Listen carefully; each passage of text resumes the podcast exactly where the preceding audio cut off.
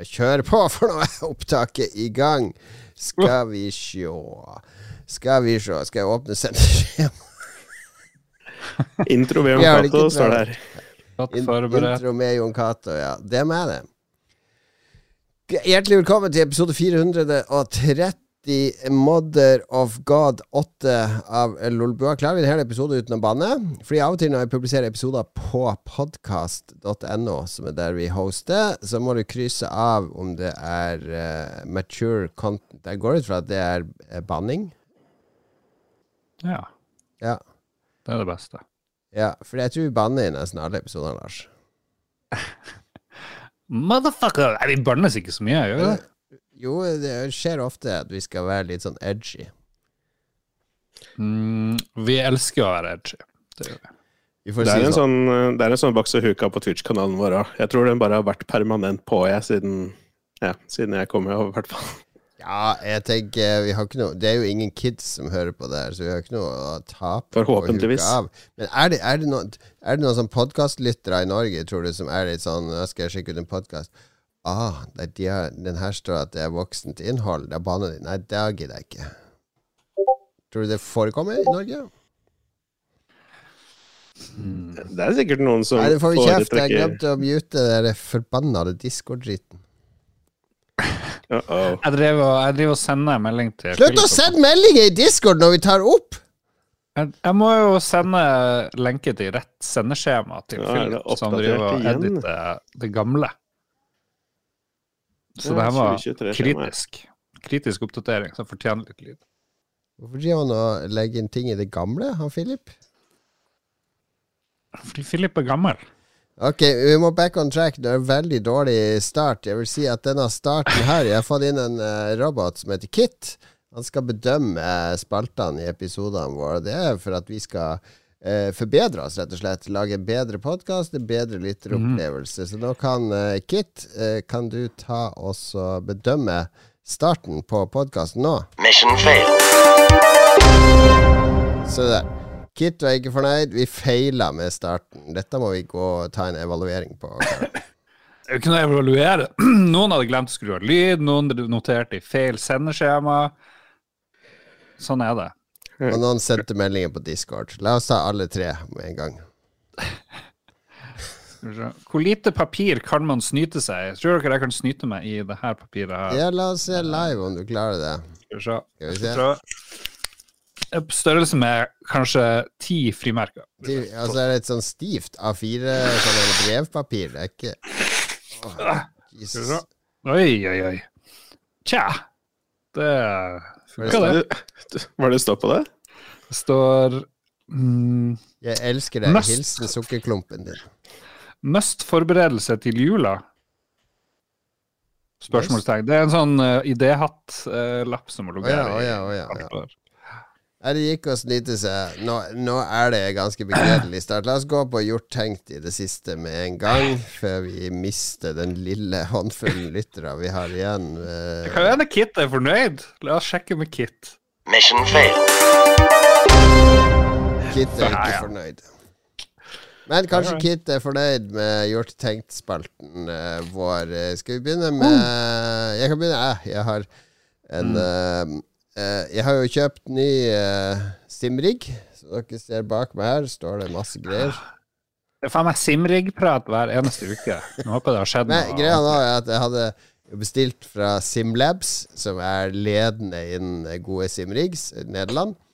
Eh, De er veldig god kundeservice alt sånt er kjent for. Så jeg har bestilt eh, en eh, stol og selve den ramma og en sånn holder for det rattet jeg har, for det er forskjellige typer ratt og forskjellige typer eh, eh, Hva heter det? Ting for å koble alt sammen.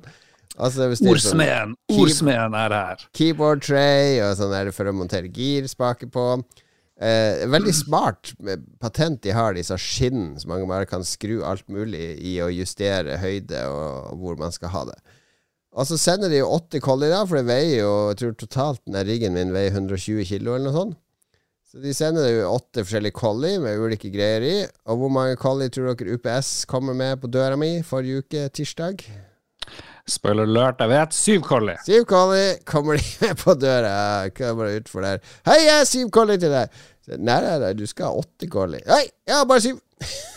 Jeg bare, ja, kan ikke du sjekke i bilen om det ligger slengt noe? Altså, du skal ta en titt, og så går han og så kaster litt sånne pakker i veggen i bilen, så det skal høres ut som han driver og leter litt og sånn. Så, nei, jeg er bare Siv Collie. Vi- vi- Hvis den er- kommer, dukker opp, så kommer jeg med den siste i morgen. Hvis den dukker opp, sier jeg. Altså, disse syv colliene er verdiløse uten alle åtte, for ellers er det ikke noe Det går ikke an å skru det sammen uten at alle er der. Ikke mitt problem, sir! Jeg har syv collie til deg! Du får ringe kundeservice igjen. Og så får jeg de syv colliene, og så ringer jeg selvfølgelig kundeservice. Og de bare Nei, nei, nei, den er sikkert på en annen bil. Kommer senere i dag. Null problem. Og så ringer jeg til min gamle venn som, uh, som har jobba i UPS i, i 13 år, før han ble utbrent av å jobbe for det møkkaselskapet. Og 13 år så gikk han opp i lønn én gang. Det sier litt om UPS. Og han måtte eie egen bil, eh, fordi det er ingen sjåfører som er ansatt i UPS. De er jo bare selvstendig næringsdrivende som må stille med alt sjøl. Fullt ansvar for alt sjøl. Og mister de en pakke, så er de personlig ansvarlig. Ja. Og takk til vår sponsor UPS. Ja, nei, UPS, altså. Men jeg ringer til det er sikkert på en annen bil. Kommer i kveld. Så, så jeg har jo quiz og sånn den kvelden. Jeg skulle ned og møte Philip og andre, så jeg instruerer jo kone og alt. Hvis det kommer en pakke, pass på, lytt på døra, ikke sitt med headphones på, videre. Og så Altså, det kommer jo ingen pakke på kvelden, da. Så jeg ringer jo på morgenen dagen etter, så bare Nja, jeg skal gi beskjed til lageret, så får du beskjed innen 24 timer. Altså, wow, 24 timer? Jeg skulle helst ha beskjed i løpet av dagen, da. Og aller helst beskjed om at dere har funnet den, så, for da kommer jeg gjerne og henter den, altså, så jeg slipper å vente. Ja, nei, de kunne ikke Jeg aner ikke hva som skjer på lageret, vi, altså. Så vi kan bare sende en beskjed til de. Altså, ja, er det ikke noe telefonnummer dit? Eller noe? Nei, fins ikke. Går ikke an å snakke med de. Det er sånn, det er sånn Severance-selskap, dere som har sett litt av den Ja, det det. Det ingen som vet hva de andre holder på med, liksom. Jeg, jeg tror det må være det. Altså, går det jo 24 timer, og jeg har ikke hørt et pip. Og i den appen så står det pakke på vei. Blir levert i løpet av dagen, sto det på tirsdag. Og det står det blir levert i løpet av onsdagen, står det på, to, på onsdagen. Og på torsdag står det blir levert i løpet av torsdagen. Men siste scan den har, er jo natt til tirsdag, altså for to døgn siden. Så da ringer jeg torsdag, så nå har jeg faen kjørt fra en dritt. Nå må jeg få snakke med noen andre her. Eh, som faktisk kan gjøre noe. Så nei, vi på kundeservice Vi har ingenting med hva, hva de som leverer pakka, gjør.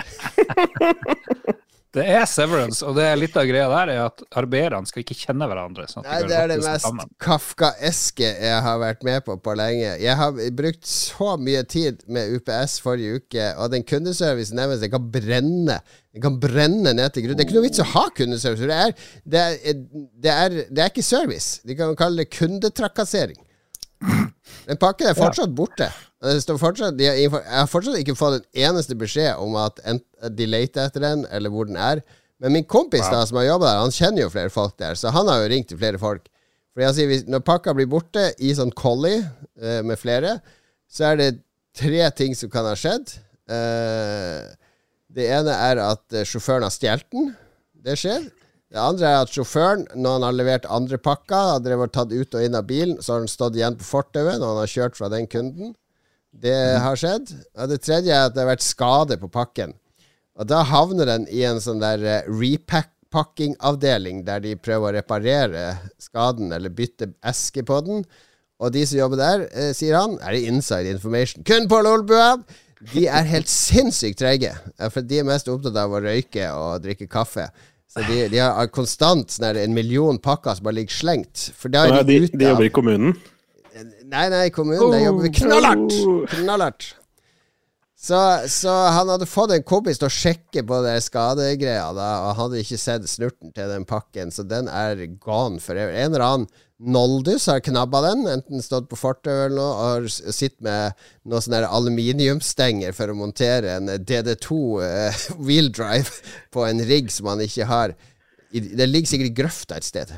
Ja, det, det, det kunne jo ikke være alternativ én at det er sjåføren som har stjålet det, for det er jo helt ubrukelig pakke, liksom. Hvis han ikke trenger liksom, liksom den er pappen. komplett ubrukelig hvis du ikke har resten av riggen å montere den på. Så nå har dette selskapet i uh, Nederland sendt meg en ny pakke, en erstatning. da Det, det var veldig god service, faktisk. For når de først skjønte at den var helt borte, så bare sendte, uh, shipper de meg en ny med en gang. Så den kommer i løpet av uka. Så eh, UPS, aldri bruk UPS. Men jeg har kost meg da i helga, så jeg har bygd hele den riggen da uten selve det festet, så jeg får festa på hjulet. Så jeg har eh, ordentlig rallysete, og kan jeg sitte der og late som jeg kjører bil. Det er deilig. Betalt 10 000 for å late som jeg kjører bil. Ja, det er jo hele, det hele spillet går ut på. Det er jo å late som at du kjører bil. Ja, det er faktisk sant, det det. Er spot on. Men da er det jo to uker til med content, da, når du skal motta den neste pakka, og så skal du pakke ut den og installere den Ja, også. Så ja, blir det, ja. Vi får se hvordan det går. Vi får se hva Kit syns om den, hva har skjedd siden sist. Mission successful. Ja, nice. Så vi ser, Mm. Lars. Se om du også Ja. klarer å innfri til Kit. Ingen problem. Jeg ble overraska i går kveld. Da fikk jeg en mail fra Too Good To Go om at uh, nå er det bestilt eh, mat fra Tone hotell i Harstad. Du er too good to go, det er sikkert mange som ikke vet. ja, vi har jo ikke Oda og Ida og alle de her tingene sørpå, men vi har Too Good To Go, som er en sånn her eh, hindre matsvinn-sak. En god sak.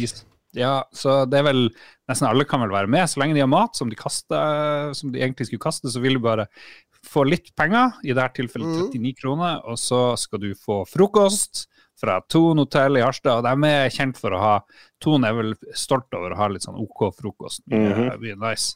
Så jeg bare ja, ja, ok, da får jeg dra å plukke opp den. Må hentes mellom ti og halv elleve. Ja, akkurat er ikke det her er ment for sånn fattige, ikke sånn mediemogul-millionær? Ja, det er det, jeg- det er det jeg lurer på. CEO og aksjonær i Harstads største nettavis. eh, Å, jeg er så fattig, jeg må ha partner! der! Flytt dere! Flytt dere, alenemødre og Endelig har jeg råd til frokost nå som det er et salg på Ton! Ja, altså, jeg får jo litt sånn der eh, Ok, det er det meg det jeg tenker på, men eh, kjenner de ressurs, de som er veldig fattige, kjenner de til der? Fordi jeg kom dit, det var den eneste pakken som lå der, eh, kjæresten var den eneste som var bestilt, og den var tung som et helvete. Det var en svær sånn her eh, papirkartong stappa med mat, så jeg bare oho, kjente den var varm fremdeles. Så jeg tok den med på kontoret, pakka opp. Fire brødskiver, smør, cocktail, eh, chorizo-pølse, et helt egg, masse Jesus. pålegg, dritmye pålegg. Og tomat og salat. og Det var liksom alt du trenger. Og jeg klarte å spise en tredjedel før jeg var stappmett. Så nå har jeg lunsj i morgen også, og det var kjempegodt. Og de sier vi har fattigdomsproblem i Norge når man kan få sånn her nesten gratis fra Ton. Ja, men det der er jo mat til to stykk, liksom. Det er jo middag til to, i hvert fall. Spiser du Kanskje alt, tre. Så hvis man er sånn fattig og sånt, så er jo det der helt perfekt. Ja, men spiste du alt? Nei, er du gal? Jeg spiste en tredjedel, sånn. Så så jeg har putta den i kjøleskapet. Ja, Kjøleskapet skal Lunsj i morgen. spise lunsj i morgen. Så Mm. vet jeg ikke om på hjemmekontoret. det holder. Så dette er sånn fattigdomstips. Hvis du er fattig, så Ja, sjekk hva som finnes der ute. For Ja, sønnen min har brukt det Too. Good To Go til å hente ting på bake, baker og sånne ting. Smak. Ja. Men dama er veldig eh, lik det der. Hun har gjort det med eh, bunnpris i Harstad. De har også sånne to good to go-greier. Men da får du sånn alt fra en bagett til litt sånn random shit som bare er på tur og går ut av dato. Men det er så billig at du får liksom penger verdt eh, uansett. Mm. Så ja, hvis du er på reise, hvis du er i Harstad og skal bo på Thon hotell og kan velge sånn pris uten frokost Frokost koster jo sikkert 200 kroner eller noe sånt. Så kan du heller bare velge uten. Altså. så, velge to good to go, og når frokosten er ferdig, så går du ned og så plukker du opp for 39 kroner. Verdens største frokost. Morsomt. Du, jeg glemte Hvis jeg får ta ett Jeg skal Kit med denne. Er du spent? Ja, ja, kjør på. Mission successful. Er inspirerende. Godt tips og alt mulig. Jeg glemte også Jeg har arrangert en quiz i helga. da Vi har sånn familieselskap der jeg alltid lager quiz. Skal vi teste Lars nå? Lars er jo denne nydøpte samen. For et av spørsmålene jeg hadde, var nemlig hvilke fem samiske språk brukes i Norge? Oi, oi, oi. Fem samiske språk. Ja, Nordsamisk, Ja. sjøsamisk, Ja. lulesamisk, Lulesamisk. sørsamisk, men det, Og- sa, sa du julesamisk? lulesamisk. Eller pu pulesamisk, det er når de har sex. Og så har du en femte jeg aldri har hørt om. Og skoltesamisk og pitesamisk. Å, helvete. Ja, det var mye. Ja, Mye mye. greier. Ja, ja, det ser du. En, En digresjon før vi går inn på eh, Felipe Fløgstad. Vi har sett ungdomsbilder av deg, Filip. For en kjekk ung mann du var med dine dreads. Ja, men uh, de Det er ikke appropriasjon når du som er litt mørk i huden, kjører dreads, eller er det det? Du er ikke sånn full afrikaner? Nei, jeg, jeg er jo i det liksom mellomskillet på brunhetssegmentet hvor jeg på en måte kan hegne Jeg kan både ha på bunad og gå med dreads, på en Ja. måte. Du er ikke så sånn brun at du kan bruke n-ordet. At jeg kan bruke Altså n-ordet. N-ordet. Ja. Eh, la oss ikke gå inn på det. Nei, okay. ok. det. Nei, men det er jo mye artig Philip Law der ute, og det dukker jo opp med jevne mellomrom. Så var det noen som hadde eh, fått opp i sin lokalavis et bilde av meg fra 17 år eller noe sånt, med en dread sånn vakker tatovering og sånne ting. Har dere noen tatoveringer som dere angrer på og ikke viser til noen, med mindre de Nei, vi hadde jo nesten en tatovering der jeg skulle tatovere Lars på skuldra, og Lars skulle tatovere Jon Cato på skuldra på Viper Room i Los Angeles, der de hadde satt opp et one night only gratis tattoo nede i kjelleren. Åh, det var så close. Var så Vi begynte å drikke oss opp. Ja, ja, altså, så, vi hva var klar skjedde? for det, Hva men så stengte de den greia når vi endelig kom dit. Og Lars mente det var sykt urettferdig fordi jeg hadde syv bokstaver i navnet, og han bare fire. ja, det stemmer. Burde ha Ja. alle et etternavnene mine. Ville det vært rettferdig da at hvis du tok Yoka eller noe sånt, nå, så hadde det jo vært litt mer fair.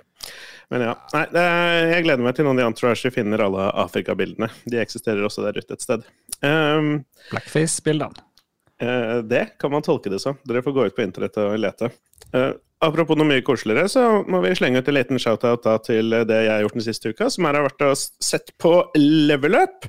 Ja. Eh, våre gode podkastvenner der. De har Live? eh, sitt eh, sjuårsjubileum nå. Ja, det er sant, de hadde stream nesten hele uka. Ja, det er syv dager stream. Syv timer hver dag. de har en veldig sånn snill stream der, fordi vi skal ikke Vi skal ikke Altså, ungdom som er på skolen, skal ikke kaste bort skoletida på å se på stream. Vi begynner eh, godt etter middag. 17.00.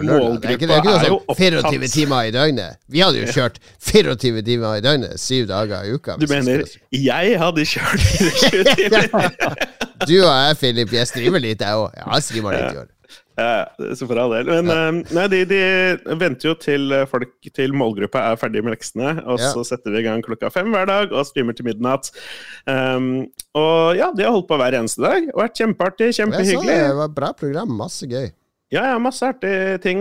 Dette er jo litt sånn flaut, men dette spillet Tunic det snakka jo alle om i fjor, og var så stor snakkes, og det er så gøy og sånn. Jeg skippa det, jeg hadde ikke tid. Jeg drev sikkert og spilte noen jævla dritt som World of Warcraft eller noe sånt isteden. Men uh, det har jeg fått øynene opp for uh, via, via Level Up-streamen, blant annet. Så de har gjort, gjort mye riktig der, og hadde en veldig artig monopolrunde uh, sent søndag kveld. Beautiful. Monopol. Sånn analog monopol. Eh, sånn digital monopol. Aha. Det er Jeg vil et si av, eh, analog monopol. Topp Altså, tre verste brettspill i verden. Det er Monopol på topp, etterfulgt av Jakten på den sjuende diamant, og så husker jeg ikke det tredje. Jeg skjønner ikke hvorfor de spillene er de sånn mestselgere i Norge. Det er de dårligste brettspillene som er laga. Er, er ikke jakten på den der diamanten verre enn eh, monopol? Nei, for Monopol er jo sånn at hvis du ikke får noe gate eller serie og sånn, så er du bare fucked. Du bare driver og går rundt og rundt og rundt helt til du er tapt. Hvis du har litt Ja. flaks og kommer på riktig og sånn, og så det, det, er- det er jo kan Det er jo ingen mekanikk her. Det er ingen interaksjon, det er ingen catch-up. Du kan jo kjøpslå og bytte ting. Og, Ja, fordi det er den delen av spillet som eventuelt er Ja, morsom. det er Liksom- så gøy å pantsette, og så kjøpe opp pantsatte gate og selge hus og eh, Drit i det spillet her. Jeg er helt enig, jeg er ikke sånn enorm fan av det spillet heller. For jeg skjønte liksom Vi spilte det da jeg var liten, husker jeg, på hytta og sånn. Ja. Og jeg skjønte jo etter hvert at det er jo bare til å kjøpe alt du lander på, for det er helt tilfeldig. Det er ikke noe vits i å Å, jeg skal prøve å bare ta og plukke opp de grønne, eller noe sånt. Nå. Det, er bare, det er bare dritt. Så nei, plukk opp alt man kan, og så bare ser man hvordan det går, og trill terningene. Men uh, det er jo når uh, Det er jo når uh, selvfølgelig faren din begynner sånn Du, Philip, du skulle ikke ha hatt den siste jernbanen, da. altså, ja, det er da mora begynner. Det handler om å lure ungene sine. Så eh, det er jo blir for seint for eh, denne episoden, her, holdt jeg på å si, men da, eh, mandag og tirsdag skal de avsløre med God of War, avslutte med God of War Ragnarok og Jackbox, og så en Elden Ring co-op-mode tirsdag kveld. Det, det gleder jeg meg til å se. Ja. Hva tenker Kit om det her, da? Mission failed. Hva står det her for Kit? Det står, du, skal, du skal ikke drive og promotere konkurrerende konkurrenter i denne spalten, sier li- litt, sånn, litt, sånn i samme, litt sånn i samme slengen, da. Apropos Level Up. De Ja. er med i en veldig spennende eh, Dungeons and Dragons-kampanje nå, med sin, eh, med sin Lars, sammen med tre andre podcaster, blant Ja, annet nå eh. Radcrew, Spilledåsene og en verti, eller, veldig artig podkast som heter Lolbua. Ja, der dere spiller. Men dere spiller, har jeg fått høre, vi har fått klage her. Dere spiller det mest populære sånne missionet som er i Dungeons and Dragons. Så en hel haug av potensielle seere får ikke lov av sine dungeon mastere å se på det, for det skal vi spille sjøl. Å, ja, riktig. Fordi jeg har eh, jeg, jeg har skjønt det, at den, det vi spiller Curse of Strad, dette ferdigskrevne eventyret, det er relativt utbredt. Det er mange som har vært borti det. Eh, Mhm. og det leder til at det er en del kul interaksjon i chatten på L- Twitch og TV slash Lolboa, eh, hvor det på en måte blir sånn Å, jeg gleder meg til å se hvordan dere takler dette her. Litt, litt sånn herre eh, eh, Litt sånn fra folk som har spilt det før, men det er jo sikkert mange DND-grupper hvor det mm. står på planen etter hvert også, ja. Så det, det er jo litt kjedelig. Men heldigvis så lastes alt opp på YouTuben til, til Olbø i en egen spilleliste, så man kan bare legge det, det bak øret til, til man har spilt det selv. Og så kan man se på vår. Veldig bra. Mission successful.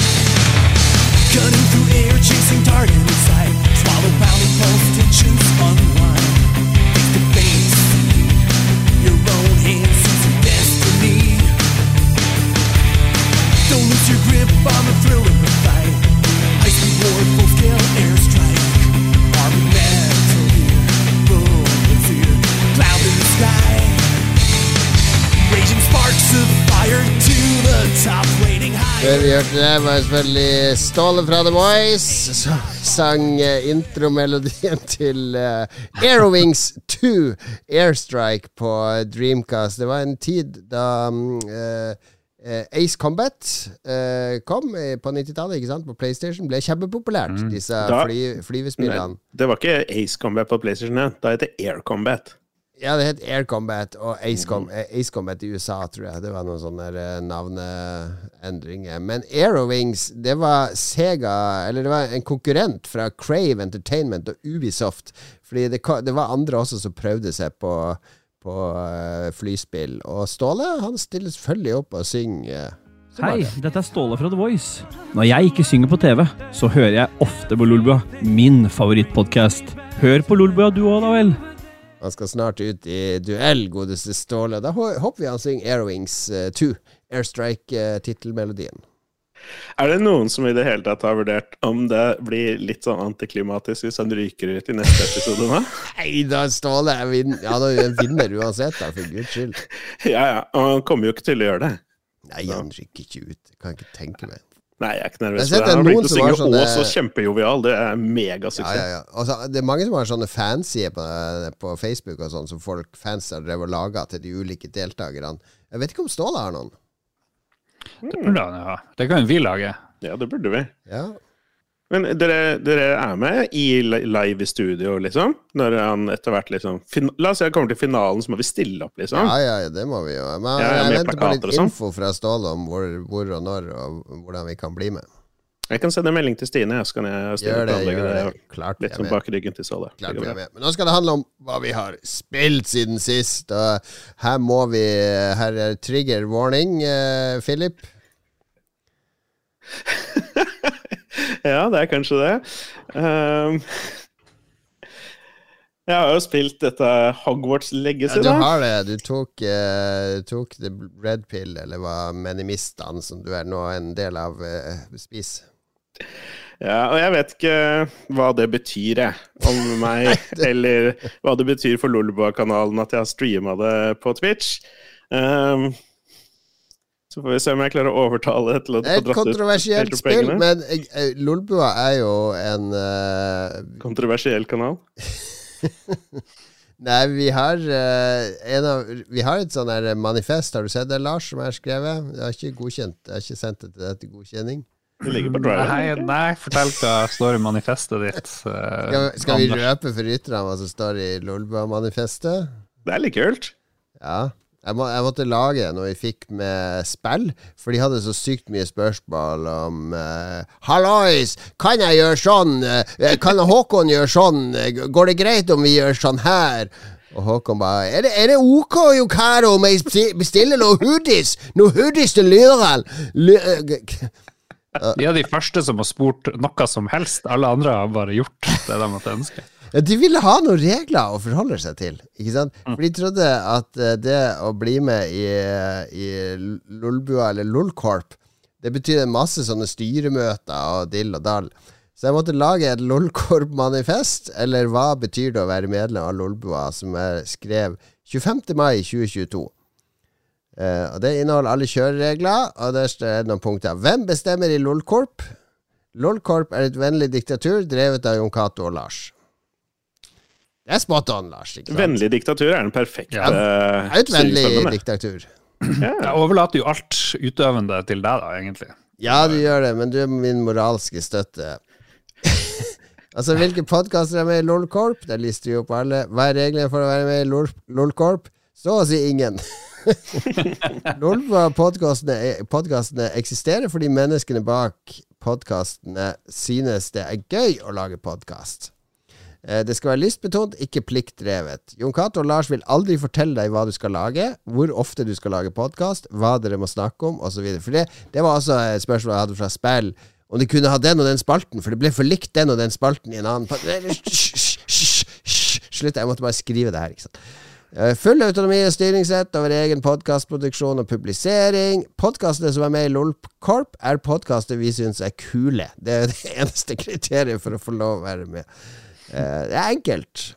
Med full autonomi kommer det også et visst ansvar. da Ikke vær dust, og med dust mener vi ikke være rasist, konspirasjonsteoretiker, incel eller lignende.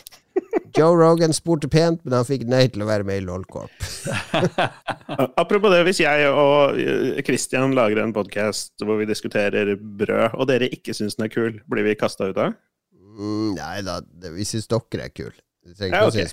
Jeg har jo ikke hørt noen av podkastene vi har, så det er jo folk jeg syns er kule, ikke podkaster. Ok, så, eh, så det er eh, essensen, da. Og så er det litt annet om, eh, om Ja, om Patrion og forventninger. Og forventningen vi har Vi håper du vil være med på følgende Roffelbua, vår månedlige Patrion Only podkast. Delta i redaksjonspraten på Discord. Og dele snaps på vår Patrion-snap. Så det er eneste reglene vi har. Okay, Nå må jeg bare slenge inn til en liten tease, fordi førstkommende søndag så skal vi spille inn Roffelbua. Så til alle dere som ikke er patron Åh, det konseptet vi skal kjøre til søndag. Jettebra, for å si det sånn. okay. Eh, så jeg spurte jo Peter Jongato, da. Kan jeg kjøpe deluxe edition av Hogwarts The Galaxy Legacy, Ja, sånn at jeg kan spille det tre dager tidlig? Ting på eget ansvar og gjør egne vurderinger. Så hvis du, hvis du tenker at det er greit, Philip, så er det greit. Ja, jeg ønska jo først og fremst å spille det tre-fire dager tidlig, sånn at det er mer interessant å se på på stream. Uh, og la en del timer i de, de dagene. Er, er, skal jeg Jeg var innom og kikka, og skal, hvis jeg skal bedømme ut fra de, de, eh, den halvtimen kanskje totalt jeg har sett, så er det sånn du kjeder deg ganske mye.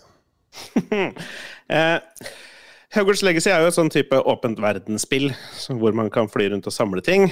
Og jeg eh, har dessverre den, eh, det problemet er at jeg ønsker å samle alle tingene, og helst så fort som mulig. Eh, så det fører ofte til at så fort du slipper løs i et område, så er det bare på en måte å løpe rundt og skanne ting og lete etter ting man kan plukke opp, og puzzles man kan leke med, og side quest og sånne ting. Det er ting. sånn og- exploring by the numbers. Er det, det litt sånn?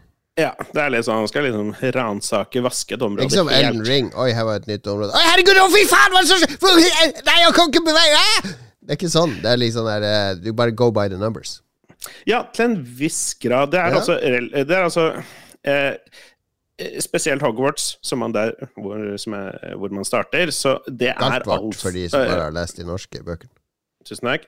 De, eh, det er altfor stort til å på en måte utforske i starten alene uansett. Da vil det, det vil ta timevis å utforske hele det Skal ikke slottet. det være et universitet som hele tida endrer seg? At Trapper flytter seg og sånn? Jo, det gjør jo også at det er områder man ikke har tilgang til eh, før Ja. liksom, senere i spillet. Man får tilgang til spill som, som kan gi deg tilgang igjen til andre ting. Og noen områder er stengt om natta og sånne ting. Man kan f.eks. ikke snike inn på den forbudte delen av biblioteket på dagen før man ja, får tilgang på kvelden osv. osv.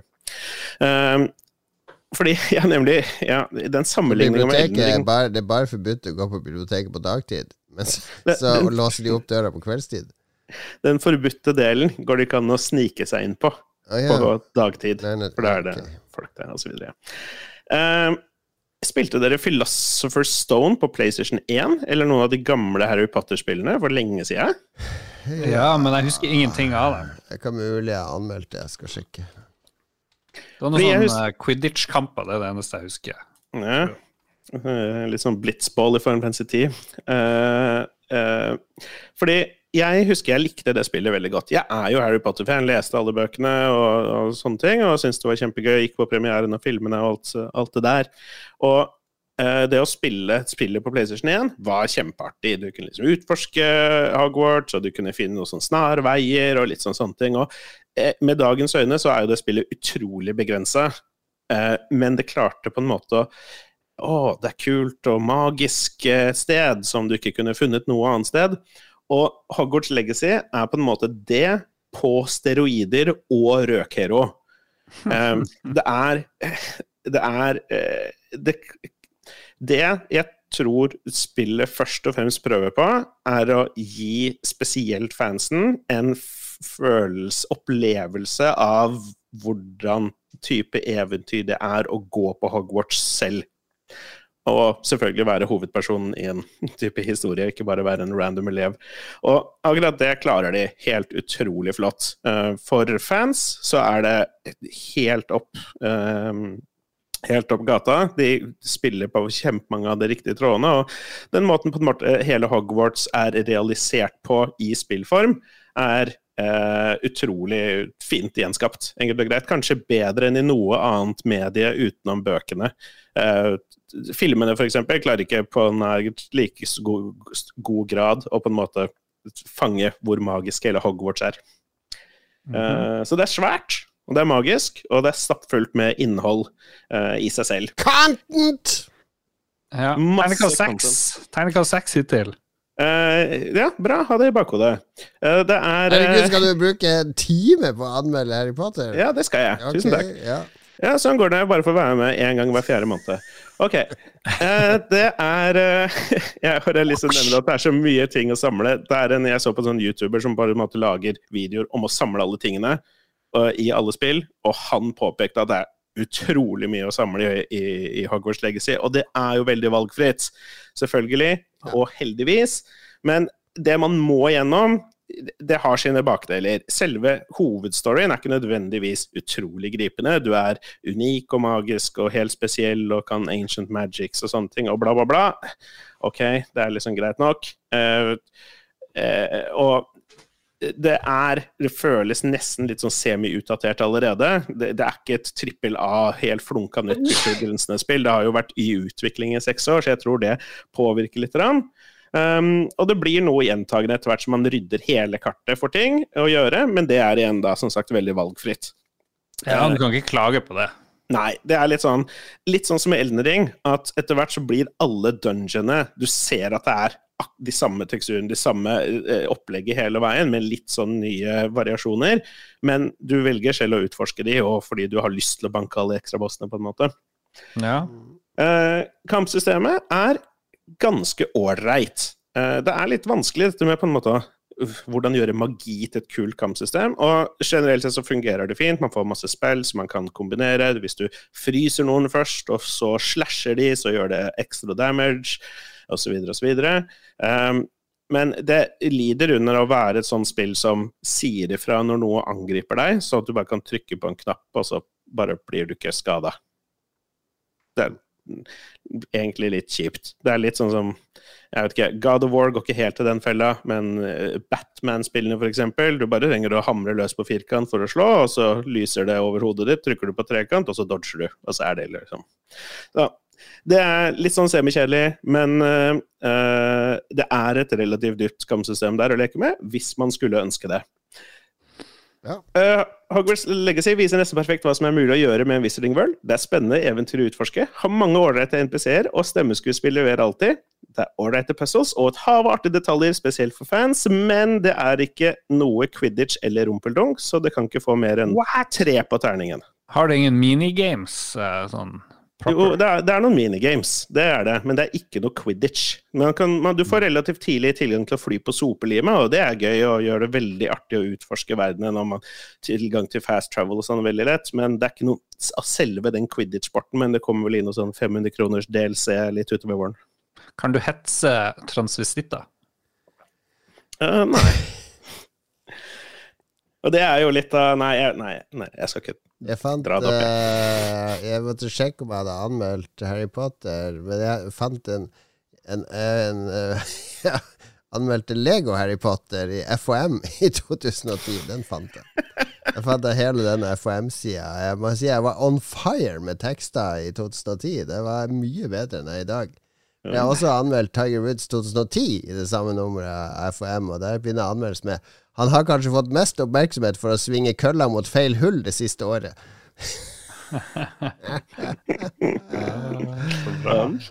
Men eh, Lego Harry Potter, ja, min anmeldelse der. Lego ditt og Lego datt. Herregud. Hadde, det, er liksom fem, det er fem linjer, disse anmeldelsene de skulle ha i FOM, så de var ganske eh, to the point. Mm. Jeg har spilt det òg, for så vidt, i Lego Harry Potter-spillene. De er ganske, ja, litt ølere. Lite nytt og lite innovasjon, men like fengende som alltid. Vi vent, men vi venter i spenning på mer spenstige Lego-titler. Vi vil ha Lego Reservoir Dogs, Lego Evil Dead og Lego Taxi Driver. Litt mer originale Lego-spill, takk. Litt edgy. Litt edgy. Mm. Det var jo FM, tross alt. Er det noe vi liker bedre enn lekre damer i dataspill, er det lekre damer i tettsittende romdrakter som skyter romvesener mens de tar en baklengs salto i dataspill. Det er Metroid Other M-anmeldelsen. Ja, jeg skulle til å tippe at Metroid er Det var lov, det var FOM, da, for guds skyld! Begynner Ja, ja, ja. dama di å legge på seg, kan du skremme henne vekk fra kjøleskapet og inn i treningsstudio med denne appen. Det var, det var en annen tid! La oss Det var det greit. med det. Det var en annen 2010. Kjempelenge Men siden. ja, Mission successful. det var en bra, bra anmeldelse av uh, Galtvort. Jeg prøvde å finne Jeg må jo ha anmeldt noe Harry Potter, men jeg klarer ikke å finne Jeg fant bare anmeldelse av eh, Monsteruniversitetet. Sitter du ikke på PC? nevner- Hvorfor søker du ikke på PC-en i stedet for å sitte og søke på mobilen? Jeg orker ikke det, jeg må jeg lene meg veldig frem. Ja. Så Hvorfor har ikke av den dette avisa en sak om det som skjedde nå? Jeg orker ikke, da må jeg lene meg frem og skrive sak. her er avslutninga på Monsteruniversitetet. Ja. Uh, PS, hva er greia med at ellers hyggelige monstre skal til menneskeverden og skremme barn for å skaffe energi? Det er jo egentlig helt forferdelig. Tredje film i serien bør handle om en gjeng barn som får nok og går, går til motangrep.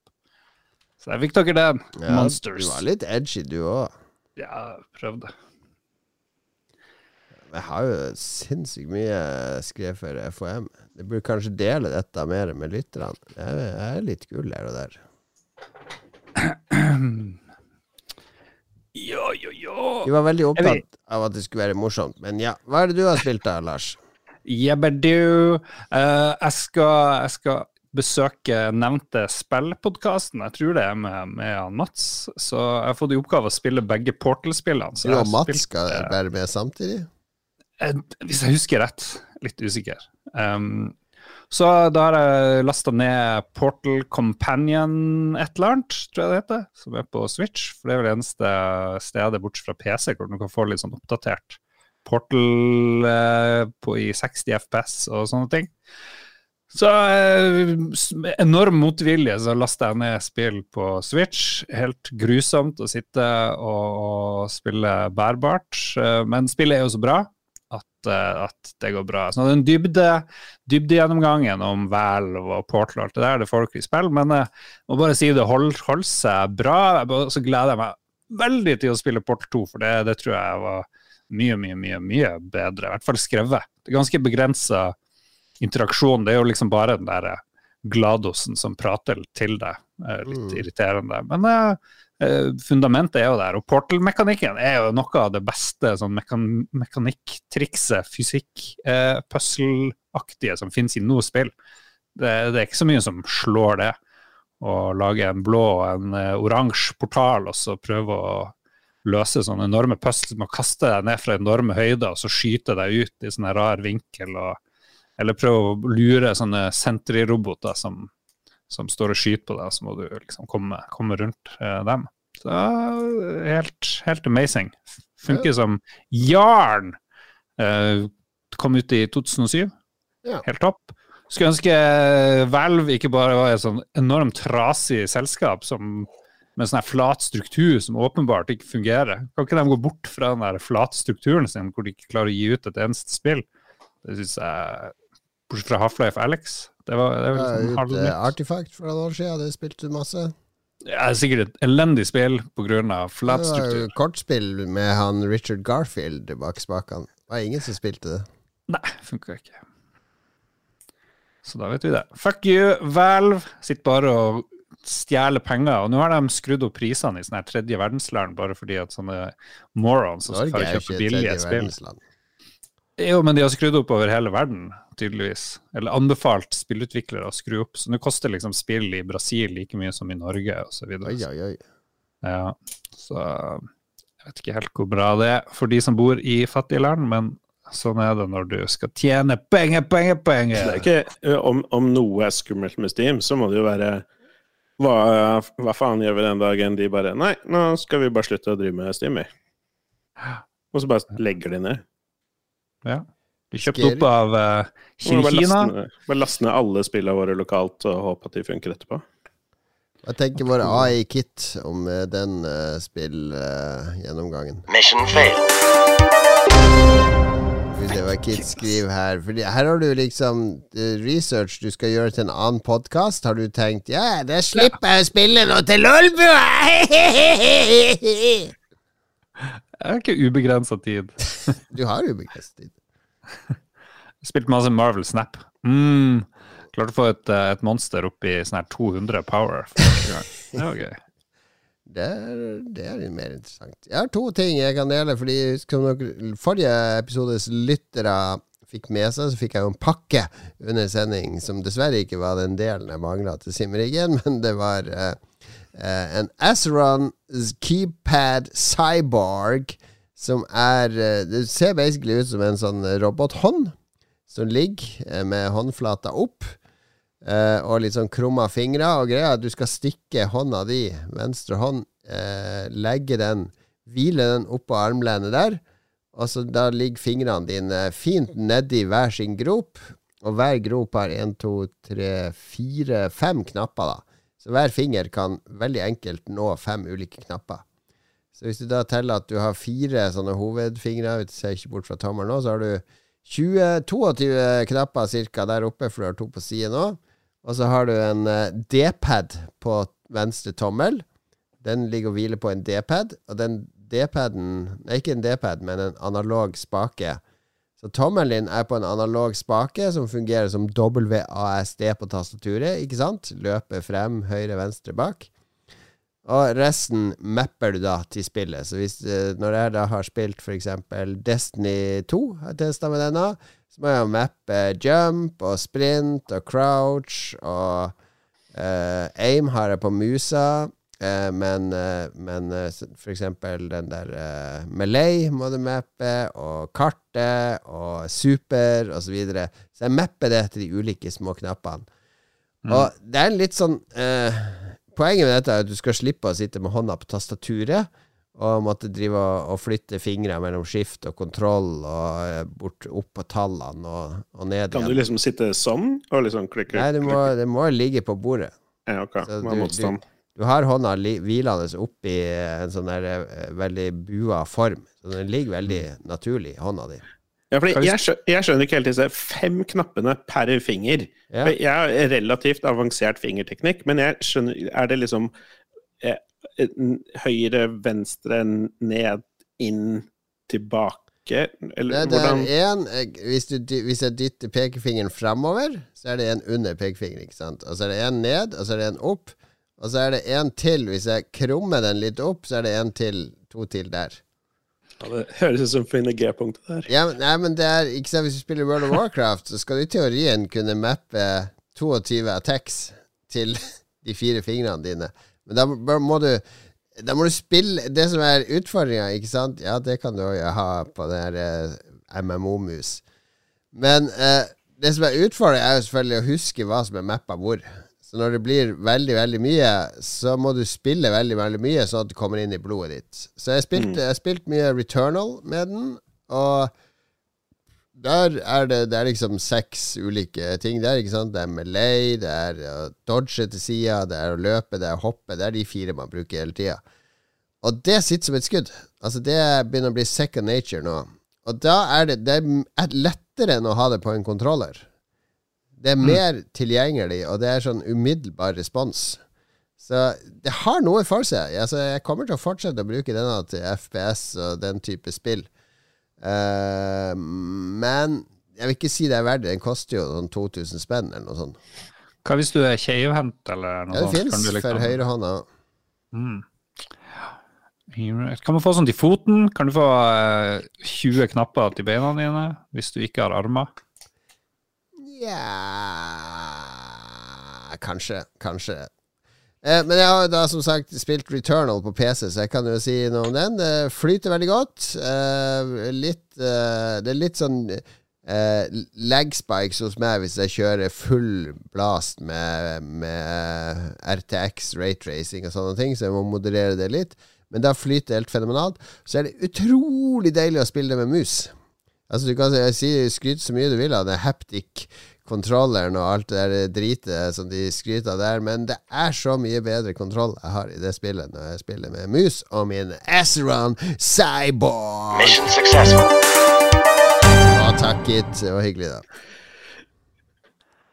Um, det er så artig hvis Kit var misfornøyd med alt vi sa. Ja, Det er bra det er litt balanse. Ja, det er helt lik balanse. Nei, nei, Ok, skulle du si det da, Philip? før nei, det er bare sånn, eh, det, er bare sånn det, det som er ålreit nå, er at så fort du får det inn i fingra i Returnal, hvilke knapper som sitter hvor, så er det jo bare til å mappe det i alle de neste spillene Ja, ja, altså spille, sånn som har en Rush. sånn 3D mm. Sprint, jump, uh, crouch, ikke sant? det kommer man til å bruke akkurat det samme. Så det er derfor jeg tenker det er overførbart til mange andre spill.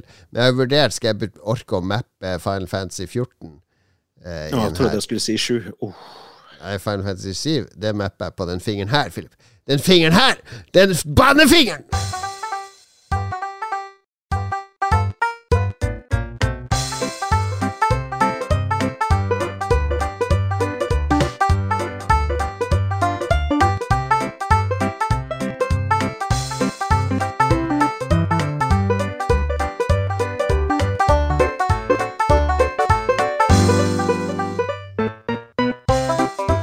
Litt herlig musikk her fra det herlige Nintendo Wii-spillet Bonsai Barber, der du skulle være frisør for, uh, for eh, en banan eller et eple eller noe. Sør for en banan! Det er helt sant. Og det verste er at det er designa av Martin Hollis. Og hvem er Martin Hollis? Jo, det er hoveddesigneren bak det opprinnelige Golden Eye 007 på Nintendo 64. Bonsai Barber der, altså. Ja, det, det er jo frukt med hår, så du skal klippe. Eh, Jeg hadde bare lyst til å nevne en kjapp ting. eh, Fordi jeg søkte også opp en spillanmeldelse fra 2010 som jeg har skrevet, i håp om å finne noen gylne eh, Det var ikke så mye, egentlig. Bort, jeg, hevnen er langt fra søt i Darksiders. Jeg var en ganske Ja. Var det, Ganske det var det her når du hadde en kjapp tur innom Dagbladet? Ja, det var i Dagbladet.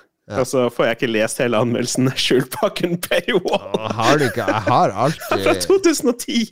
Jeg har jo alt i eh, der eh, Hva heter det uh, Google Drive. Alle originalene mine ligger jo der. Å, du har det? Ja, ja. Ingenting. Ja, nei, det er jeg litt dårlig, dårlig til. Ja, Her er det FOM Gadget spesial uh, i eh, 2009.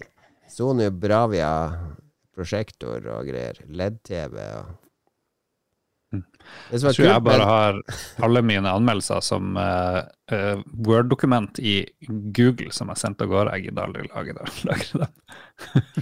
Det som var kult med denne spalten, hardware-spalten i FHM, det er en måte bare ringer rundt alle disse eh, importørene og distributørene og spør om å få låne testprodukter. De vil jo aldri ha de tilbake. Så her, her er anmeldt iPod Shuffle, Sony Walkman S540. Alt dette ble jo bare liggende i en skuff. Det ble fine gaver. Skal vi se. 2. august 2007. Harry Potter på Nintendo DS. Hva i all verden har jeg skrevet der? Ok, Jeg er litt fornøyd med overskriften 'Hypp å gi kompisen din en solid omgang' for Blast Blue fighting-spillet. Ok, uh, Philip sa at vi mangla en spalte, så vi, og Jeg vi sa- angrer. Vi sa, jeg sa at jeg aldri, vi skulle aldri bringe tilbake Parido-spalten. Men, mine damer og herrer, velkommen til Pariduo-spalten, der to stykk skal uh, kjøre en uh, duo-parodi. Og Lars og Philip, er dere klare til å få en challenge? Sant, selvfølgelig. Always. Always. For nå skal det, dere kan velge hvem som skal være hvem, men vi har, vi har jo mange radarpar, ikke sant? Og ett sånn gyllent radarpar nå, det er jo han Truls og han Hellstrøm, ikke sant? De prøver å, å drive restaurant sammen, de drar på reiser sammen. Du har han joviale nordlendingen og han litt stramme østlendingen. Så hvem, hvem skal være Hellstrøm, og hvem skal være Truls? Hellstrøm er fra Moss, så jeg, jeg, jeg bare tar den. jeg. Du er Hellstrøm, og du er uh, Truls Lars. Og settinga her er at dere har dratt til uh, Toskana eh, for å kjøpe noe sjelden vin, og så er det stengt. Så han Hellstrøm er ganske sur, og så prøver han Truls selvfølgelig å, å bygge litt opp under. Go! Truls, skulle ikke du sjekke at, eh, at eh, vinbutikken var åpen før vi, før vi kom hit? Nå er vi her i Toskana, og skal, vi skal ha vin til kvelden, og så er det ikke åpent. Hva, hva skjer med det, Truls? Det er jo allerede verdt å kjøpe masse vin. eh, Herregud, Eivind. Må du skjerpe deg. Så her, ta to flasker vin her. Vær så god. Jeg skal ikke ha noe sånn dagligvarebutikk-vin. Det er ikke noe, det er ikke noe bra, og, bra å Det drikke er jo det. Det er jo billig, det er jo fint og billig, Eivind. Helt topp. Det er Programmet er billig, de òg, Truls. Det betyr ikke at de er noe bra for, for det. Jeg ville ikke brukt den vinen her til å vaske klærne mine engang. Mission failed. Det var forferdelig dårlig! Herregud. Jeg, kom, jeg fant stemmen hans til slutt. Ja, du faen, eh, når du begynte å pipe der. Hva er det? Hva er Det er sånn du må gjøre.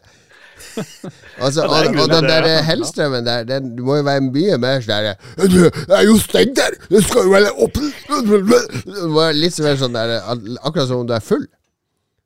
Ja, Det er en grunn til at jeg hater disse parodigreiene. Ja, meg Jeg legger det i bakhodet Ja, til neste den var gang. dårlig. Dere må klare en. Dere får et nytt par. Er dere klar? -hmm. Nå er det Adrian og Håkon i spill. Og, og denne, denne gangen skal de prate om eh, den gamle klassikeren uh, uh, Custer's Revenge på Atari 2600. What the fuck? Hvem, hvem vil være Adrian? Eh, punt, jeg er Hvordan prater de? Ja, nei, jeg er Adrian, og så er du. Da. Ja. Ja, det- Punti er vanskeligere, syns jeg. Sørlandsdialekten. Den tar du, Lars. Eh, skal jeg ta en Punti? Var det Ja, så? ja, Adrian som er programleder, så han må jo begynne, da. Hva var temaet, sa du? Ja, dere, dere skal prate om den gamle klassikeren uh, Custer's Revenge. Hallais! Hallo! Og velkommen til spill! Hallais! Punti! Hallo! eh, hei, Adrian. Du vet, det som er spennende med, med Custers Revenge, det er Ja. PAL-versjonen har en eh, liten merke på bak på, på eh, eska, og den kan du få 340 dollar for på, på eBay. Og det, det skal jeg gjøre nå. 40 kroner! Faen, jeg kan ikke dialekt. Det masse Det scannere. er så dårlig! Jeg, jeg klarer ikke å høre. Jeg hater det! Jeg, jeg, jeg, jeg, jeg hater vi begraver denne spalten. Vi bare konkluderer. Mission successful. Mission fail. eh, Mission, mission fail. Nei, det går ikke. Det går ikke. Men det er jo Ponti, han er jo veldig opptatt av, av ulike pall- og NTSC-versjoner. Så det, det var, Det var litt midt Altså, du, men er Philip, du er ganske dårlig å parodiere. Jeg er kjempedårlig. Jeg Er det ingen du kan parodiere. parodiere? Ingen som du liksom vet eh, det, den nailer?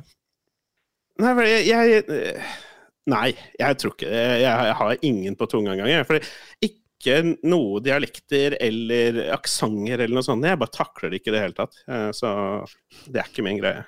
Helt håpløst.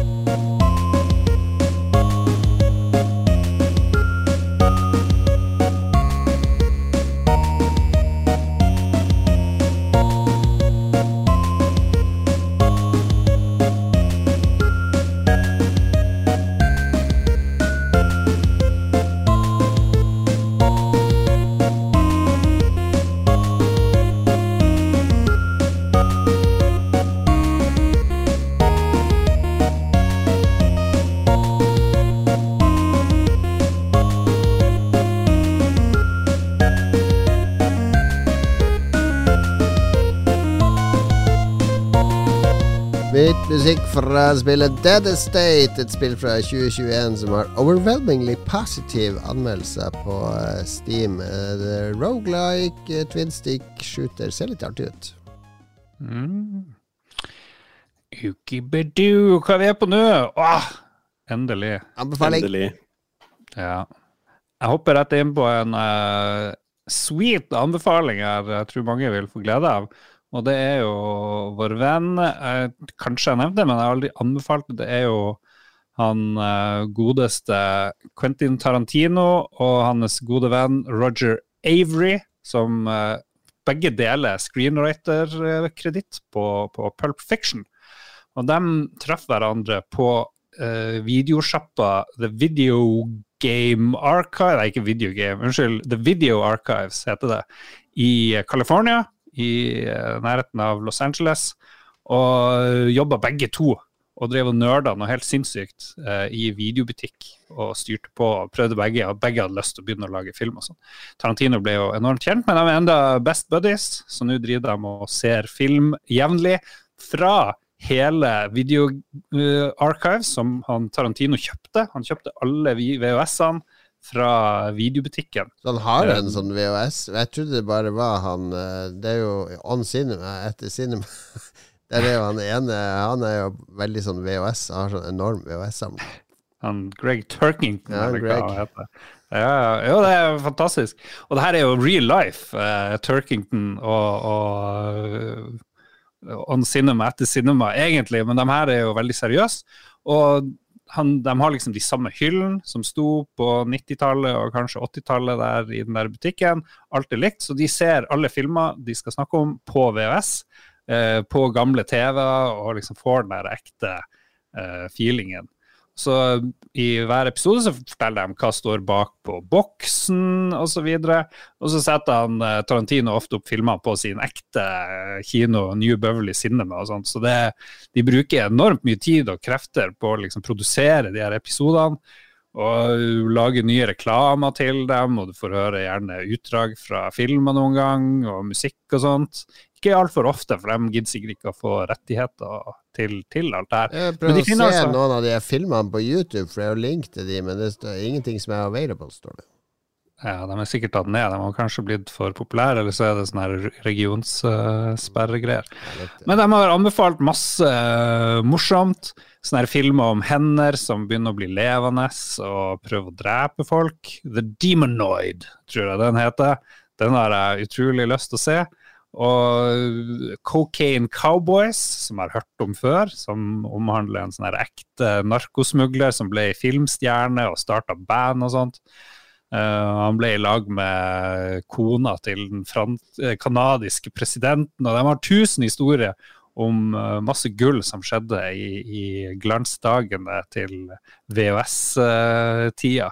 Så koser meg skikkelig, skikkelig, skikkelig. Jeg elsker å høre han Tarantino prate i fistel, og han her kompisen hans prøver fortvilt å komme til orde.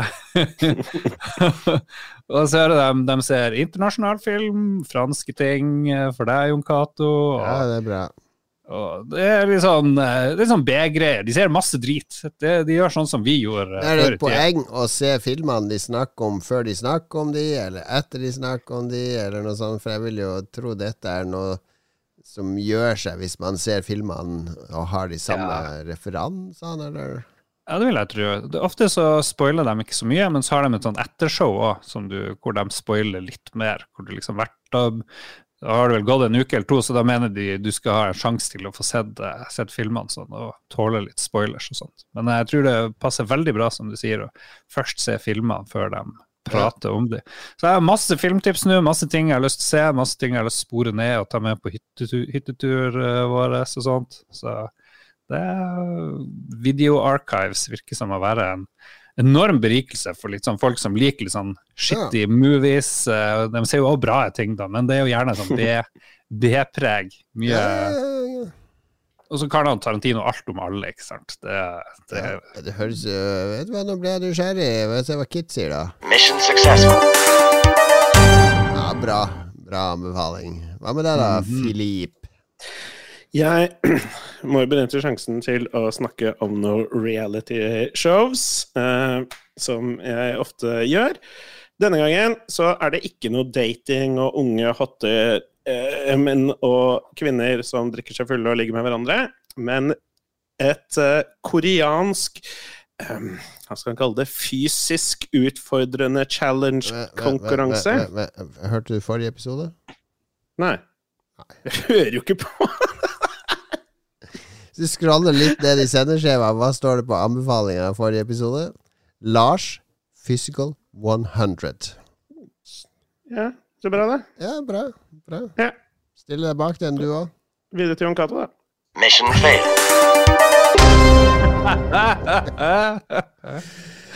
Ok, jeg skal anbefale, fordi nå har jeg sittet her en hel uke med sånn Det var så morsomt hvordan lytterne har inntrykk av at jeg har hatt tilgang til dette sendeskjemaet før vi starta. Alle har tilgang til det, jeg husker jeg. Vennlig.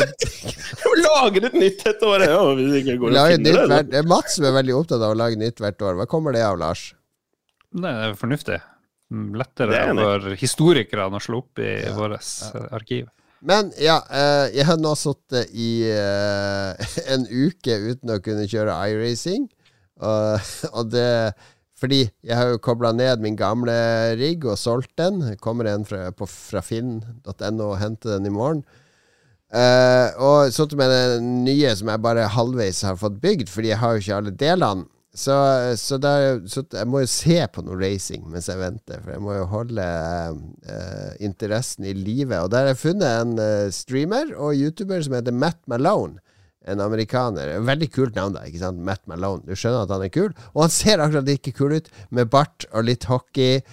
Altså, han er eh, Det er mange sånn litt sånn kjedelige, tørre eh, bilspillstreamere som er veldig seriøse.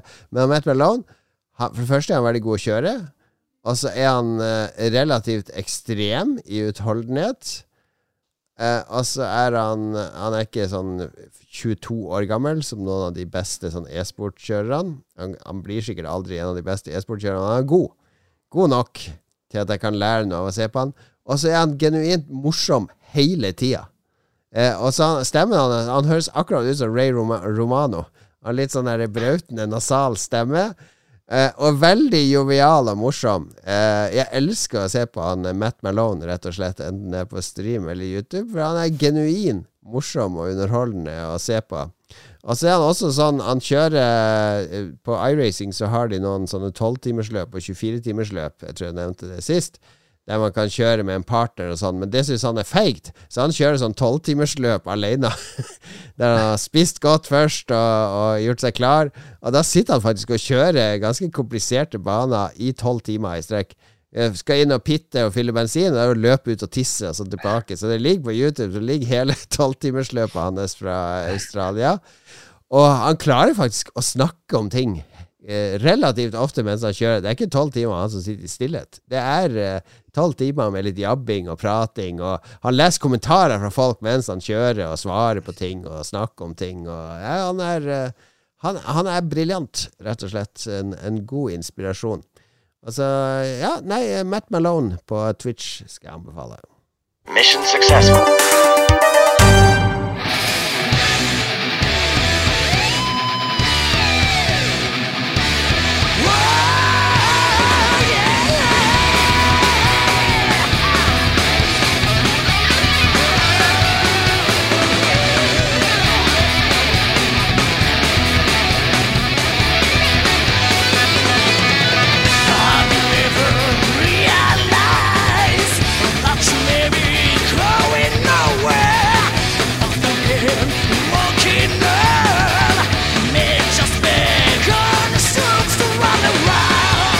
Vi hører Ståle fra The Voice synge musikken fra F355 Challenge 2.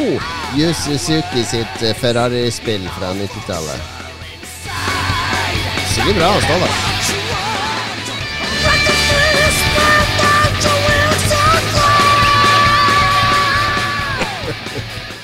Nice.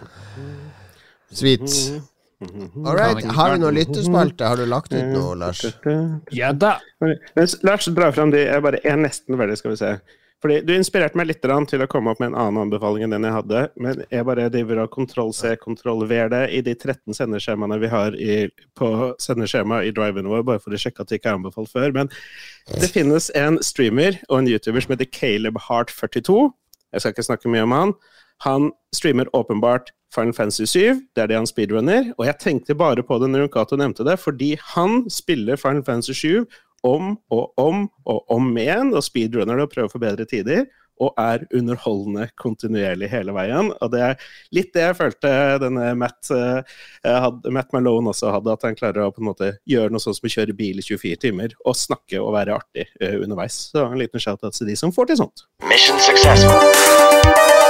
Sånn, da fikk du den, Philip. Takket. Ja da. Vi har bare spurt eh, om hva folk eh, tenker og lurer på for tida. Fått tolv eh, bidrag her, eh, med smått og stort. Først ut er Olav Øyan, som lurer på hvilke valg vi har brukt mest tid på å rettferdiggjøre for oss sjøl, med at det her har vi fortjent, selv om vi vet innerst inne at vi er på ekstremt tynn is, og han har et, et eksempel sjøl. Han fortsetter å betale veiavgift på en scooter han skal fikse snart, selv om han kan, ingen, om han kan ingenting om motorer. Men tanken på å fikse det her opp er så appellerende. Så da begynner jeg med en gang å tenke på alle de her eh, abonnementene jeg har på ulike ting som jeg aldri bruker. Eh, Ja, jeg har en del der òg, jeg òg. Jeg rydder jevnlig i det, da. Det gjør jeg. Ja, Jeg har veldig lav terskel for å inngå et nytt abonnement. Sånn som på iRacing nå, det er sånn her Uh, eh, Craigs Garage Setup. Ok, fem dollar i måneden for å få tilgang til tuning. andre sine tuning-setups til biler. Ja, hvorfor ikke? Hvorfor ikke? Hvorfor ikke? Stolen er ikke satt sammen engang allerede. Det er, det er galskap. Galskap. Akkurat det er jeg ganske streng på. Å prøve å ikke dra for meg for mange sånne løpende ting. For det fort bare baller det seg på. Holdt jeg på å si. Men rettferdiggjør at man har fortjent det.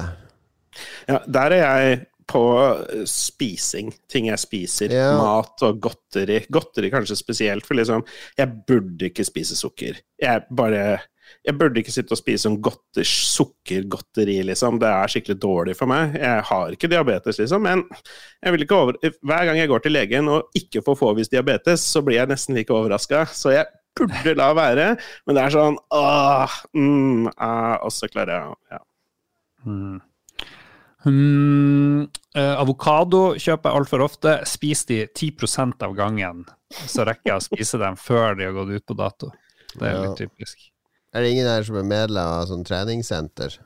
Jo, jo, jo. Det, men det der sist? går jeg jo nå to-tre ganger i uka, så nå er jeg back, back on track. Ok. Mhm. Ja, nei, det er mye drit. Det er mye drit. Jeg abonnerte på deg i Harstad en gang, men jeg var jo innom en gang hver tredje måned, så Jeg abonnerer på Oslo kommune, så jeg syns du skal abonnere på i, i Harstad. eh, Nei, nei, jeg Ja Skal fikse snart. Den der kjenner jeg også igjen, med at man har et eller annet ambisjon om å gjøre noe. Altså, men det, ble, det kom litt ut fra ingensteds, Ola. Beklager. La oss gå til han Morten, som, eh, vis, som har putta et cover av uh, Bad Taste. Eh, Peter Jackson-filmen, der han påstår at det er den russiske utenriksministeren som spilte i denne klassikeren. Og det kommer vel av at han skal, det skalla romvesenet på coveret ligner litt på den russiske utenriksministeren. Mm. Ja, han står til og med en Kalasjnikov, så det, det er jo fullt det. mulig. Det tror jeg stemmer. Denne filmen fikk jeg tak i på VHS da vi var sånn 15, kanskje. Og den Magisk. Så ikke Vi så ikke halvparten engang. Jeg skjønte jeg bare, Nei, dette Nei. Men det er lenge siden dere har sett NVS, VS, fordi når jeg hørte på den eh, Tarantino-greia, så fikk jeg jo lyst til å check it out. Jeg tror det, jeg tror det kan være bra kvalitet, altså. På VHS? Ja, ja, ja. Det er jo film. Du du Ja, det er jo bedre enn eh, Betamax, liksom. Det er det. Betamax var bedre, men uh, det var er jo et analogt var medium. liksom. Men hva er, hva er oppløsninga, liksom? På, en 35 det er ikke mm-film, så er det jo men det er jo Du må jo se på en gammel CRT-TV hvis det skal være noe vits. Du kan ikke se VHS på en flatskjerm. Nei, men det finnes sikkert VHS-spillere med HDMI ut, bare liksom. Men jeg vet ikke hva poenget er der, da. Men får du liksom Får du film Får du filmkvalitet? Det er veldig spent. Ikke Oi, oi, oi. Kommer det noe med snacks? Oi, se Er der, det ja. sånn chiligreier? Å, jalapeño! Smakte mer ostepop. Jeg fant en hers Smakte med rostepop, ostepop, sier han. Ja, Mm. det. Mm. De ser ut som ostepop. Faen for noen kvalitetsbarn som kommer rekende her. Det må jeg si. Mm, mm. Sikkert masse nøtter oppi der. Gå og hent mer. Du må lese på pakninga. Ja. OK. eh, Det sånn sjokk på ostepop med litt uh, jalapeño-smak. mm. Eh, han Kristoffer har et bra spørsmål, eh, Philip. Hvordan visste Gandalf at å kaste den ene ringen i flammene i Dommedagsberget ville ødelegge den? Det er jo sånn han vet. Det er jo sånn man veit det. Det står jo på Wizard Digest, nyhetsbrevet. Ja, det tror jeg var på Reddit. Det visste jeg ganske mange i Middle Earth.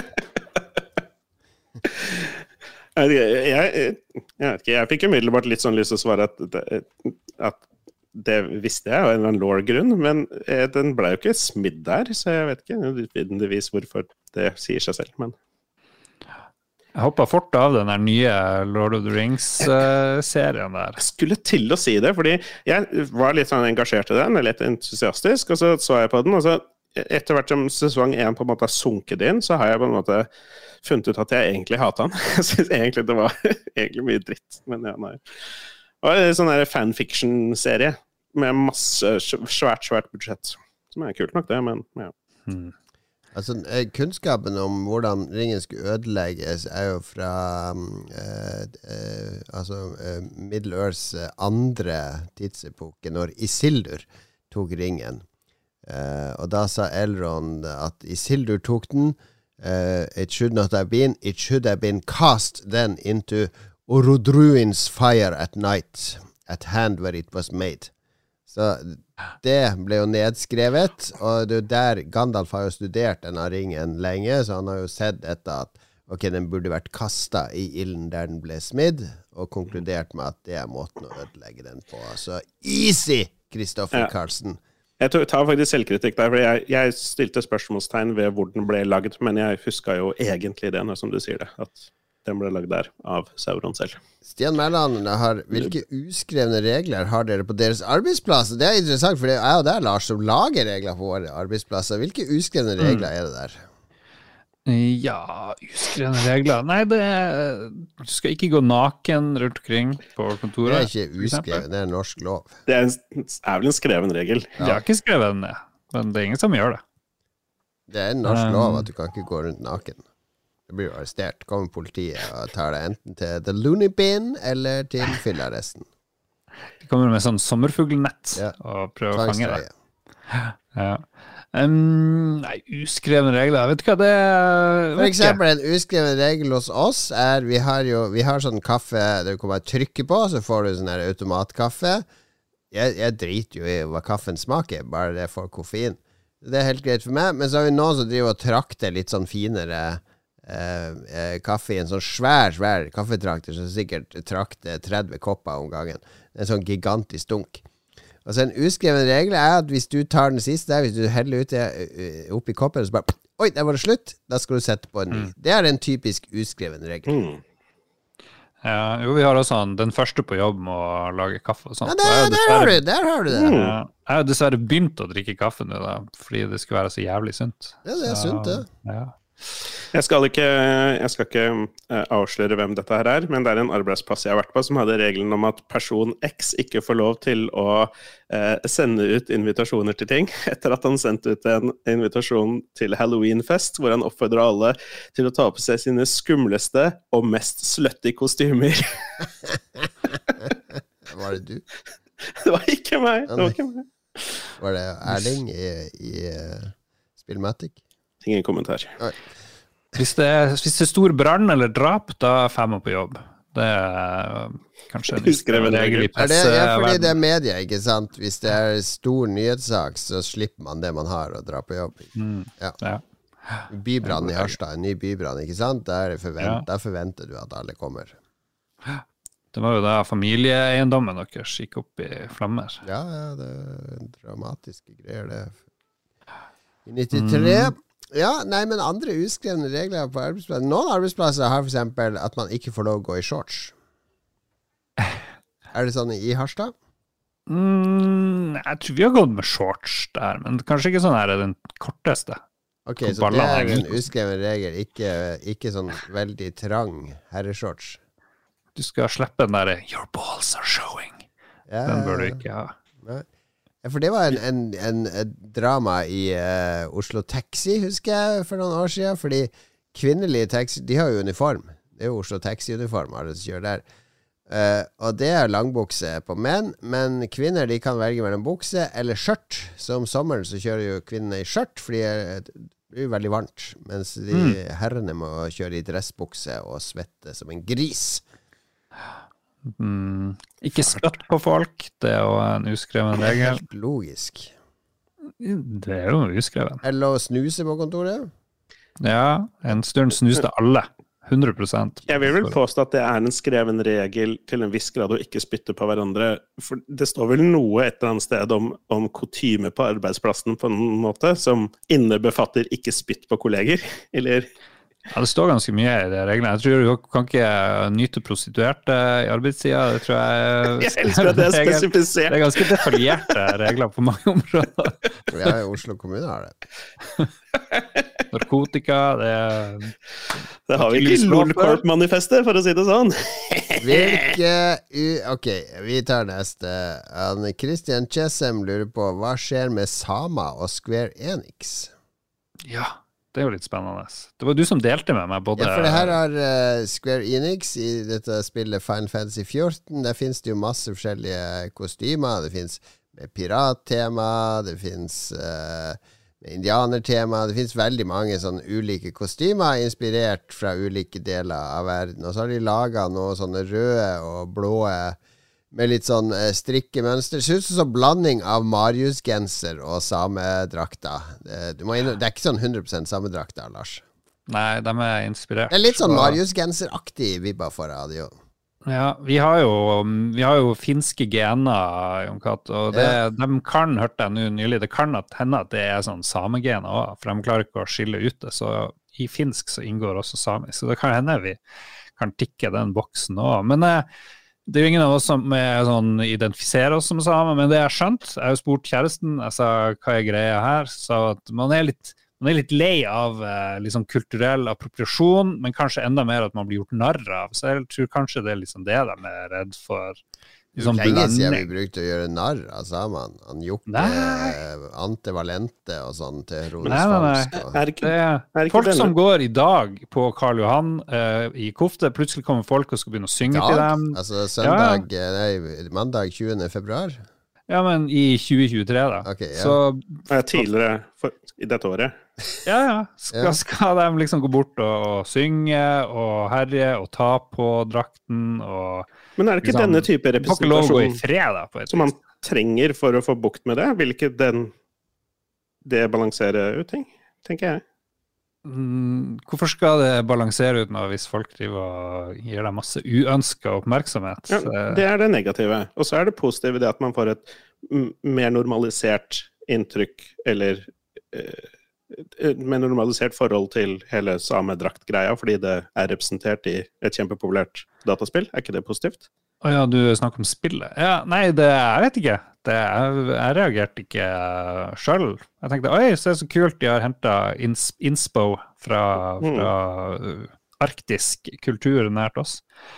Nei, jeg skal ikke uttale meg på vegne av samisk befolkning, men Uh, jeg vet ikke om det var derfor, men dama satt på et sånt program som heter Ikke spør om det, eller noe sånt, hvor ulike grupper, sånne sigøynere og samer og sikkert homofile og alt sånt der, får sånne typiske spørsmål de får. Så der var det sånn uh, Syns du det er flaut å være same? Hvordan er det å gå rundt på Karl Johan, og så får du all den der De får, får, får mye drit.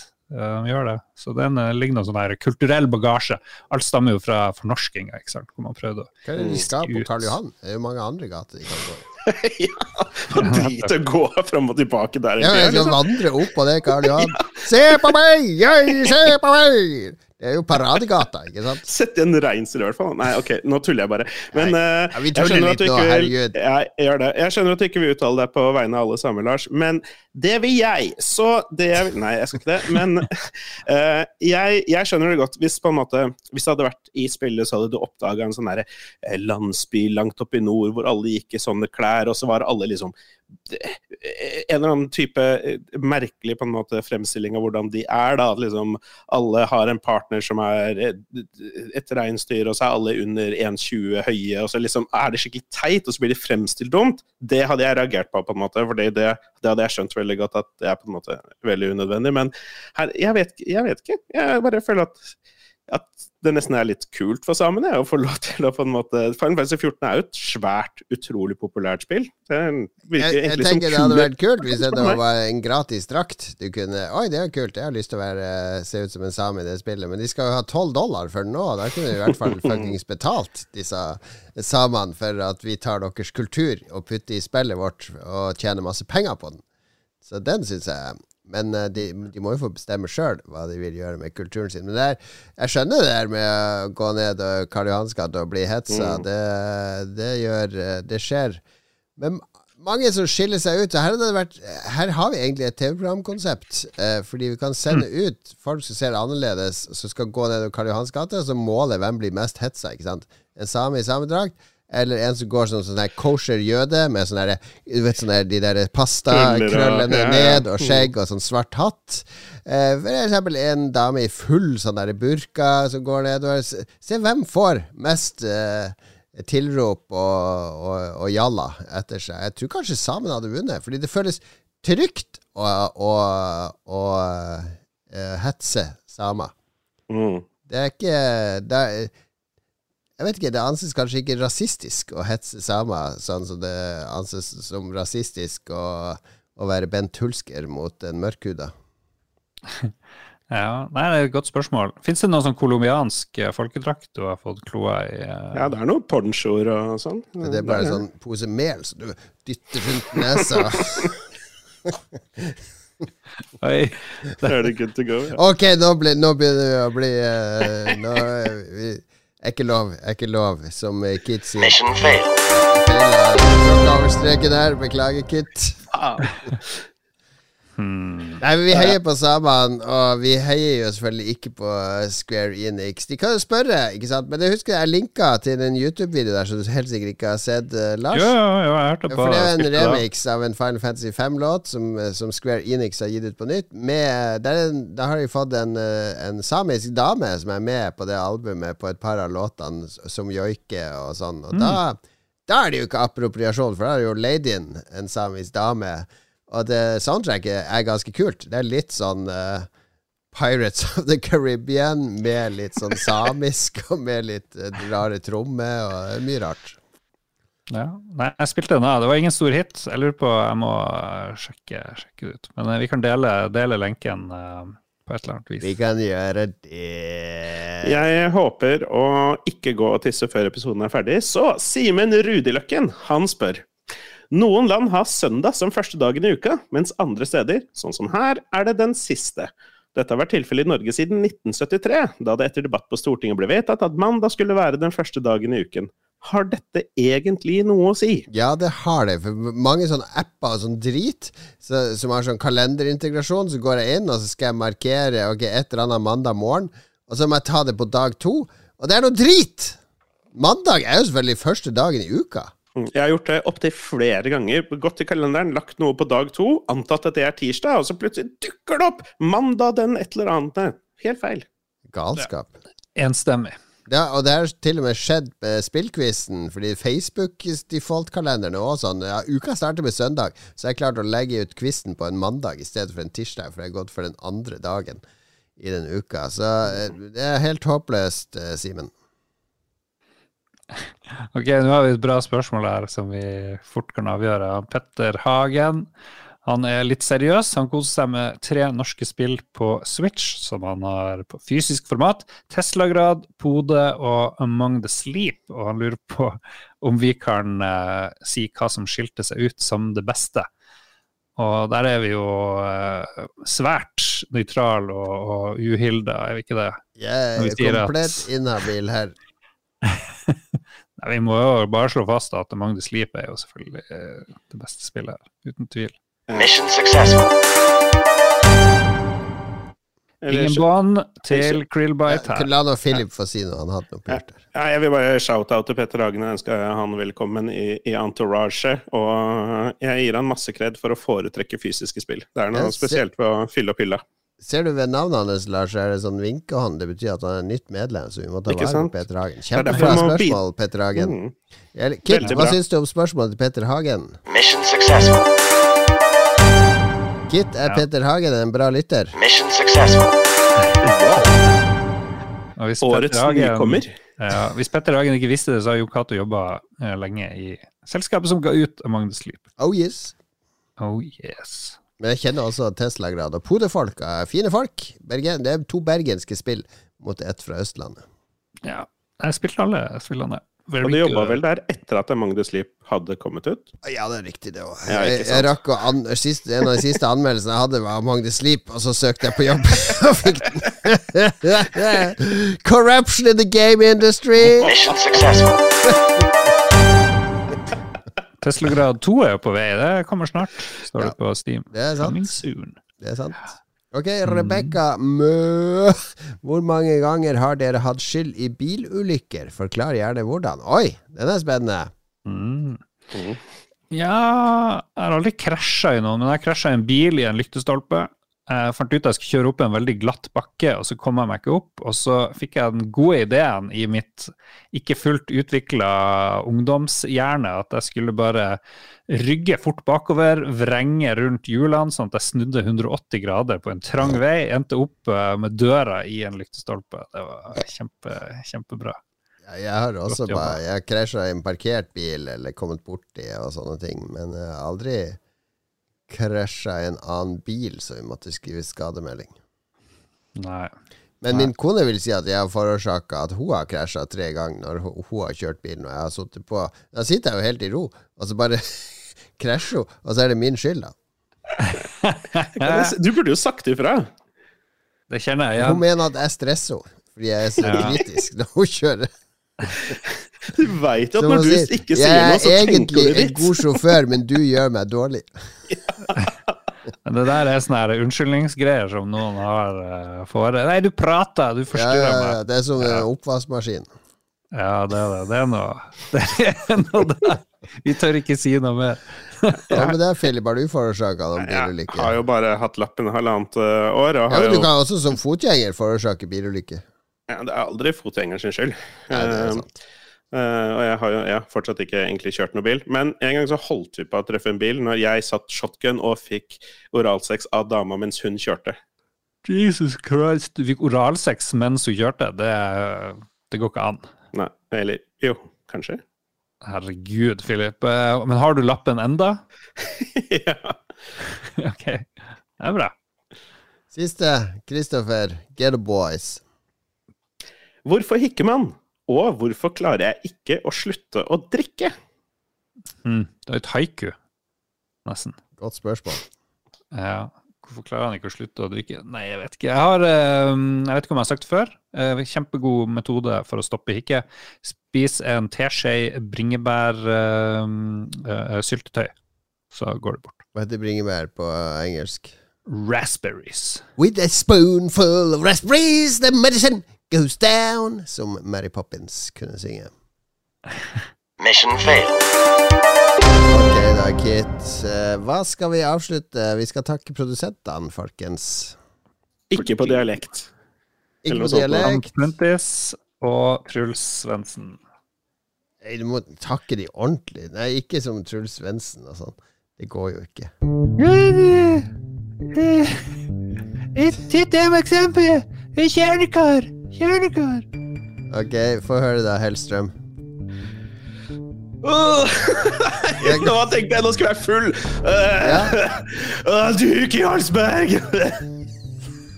Herregud.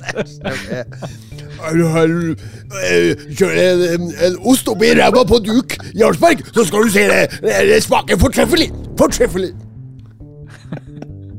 Hvem andre har vi invitert i dag? Eh, Adrian. Harlais! Nei, hva sier for noe? Harlais, Byslo. Harlais, uh, velkommen til spill. Faen, det var elendig. Ja, litt for mye energi. Det må være mer sånn Ja. Hallais! Her har vi så en eh, god pause før du sier noe mer. Ok, Eh, Tommelun. Eh, Philip, du tar Tommelun som eh, Nå skal du få, skal du få noe lett for deg. Narkobaron Pablo Escobar skal takke Tommelun. Jeg vil rette en stor Nei, men det blir sånn italiensk aksent, og så sklir det over i sånn spansk aksent. Så Jeg kan jo ingen av delene, ja. liksom. Så blir det. Kjør på! Kjør på! liksom. Kom igjen, da, Pablo. Tommelun, i tommelen. Jeg setter utrolig stor pris på at du sendte Patron-pengene dine over hit når spilledåsen ikke trengte det lenger. Tusen, tusen takk. mm, takk right. til alle patrions. Takk til alle. Altså, ta- ekstra takk til Storm, som ble så fornøyd med kundeservicen på Patrion-sida at han uppa sin, sin uh, pledge høyt opp. Så tusen takk, Storm. En fornøyelse å do business with you. Kan jeg også takke ekstra liten takk til Sveen, som gir mer penger til oss i måneden enn han gir til Radcrew. Tusen takk, Sveen. All right, hva skjer neste uke? Jo, da blir det Jeg håper vi får Carl Thomas som gjest og kan eh, gi oss the inside scoop på PlayStation VR2. For det lanseres nemlig om noen få dager. Blir det en flopp, eller blir det en hit? Sony har kutta ned på produksjon. Eh, VR eh, har vinden gått ut av seilene, osv. Du venter i åndeløs spenning, Lars? Now let me tell you all about VR. Yes. Og vi gleder oss. Eh, Takk for at du hører på. Takk for at du er den du er. Vi er glad i dere alle som en. Ha det bra.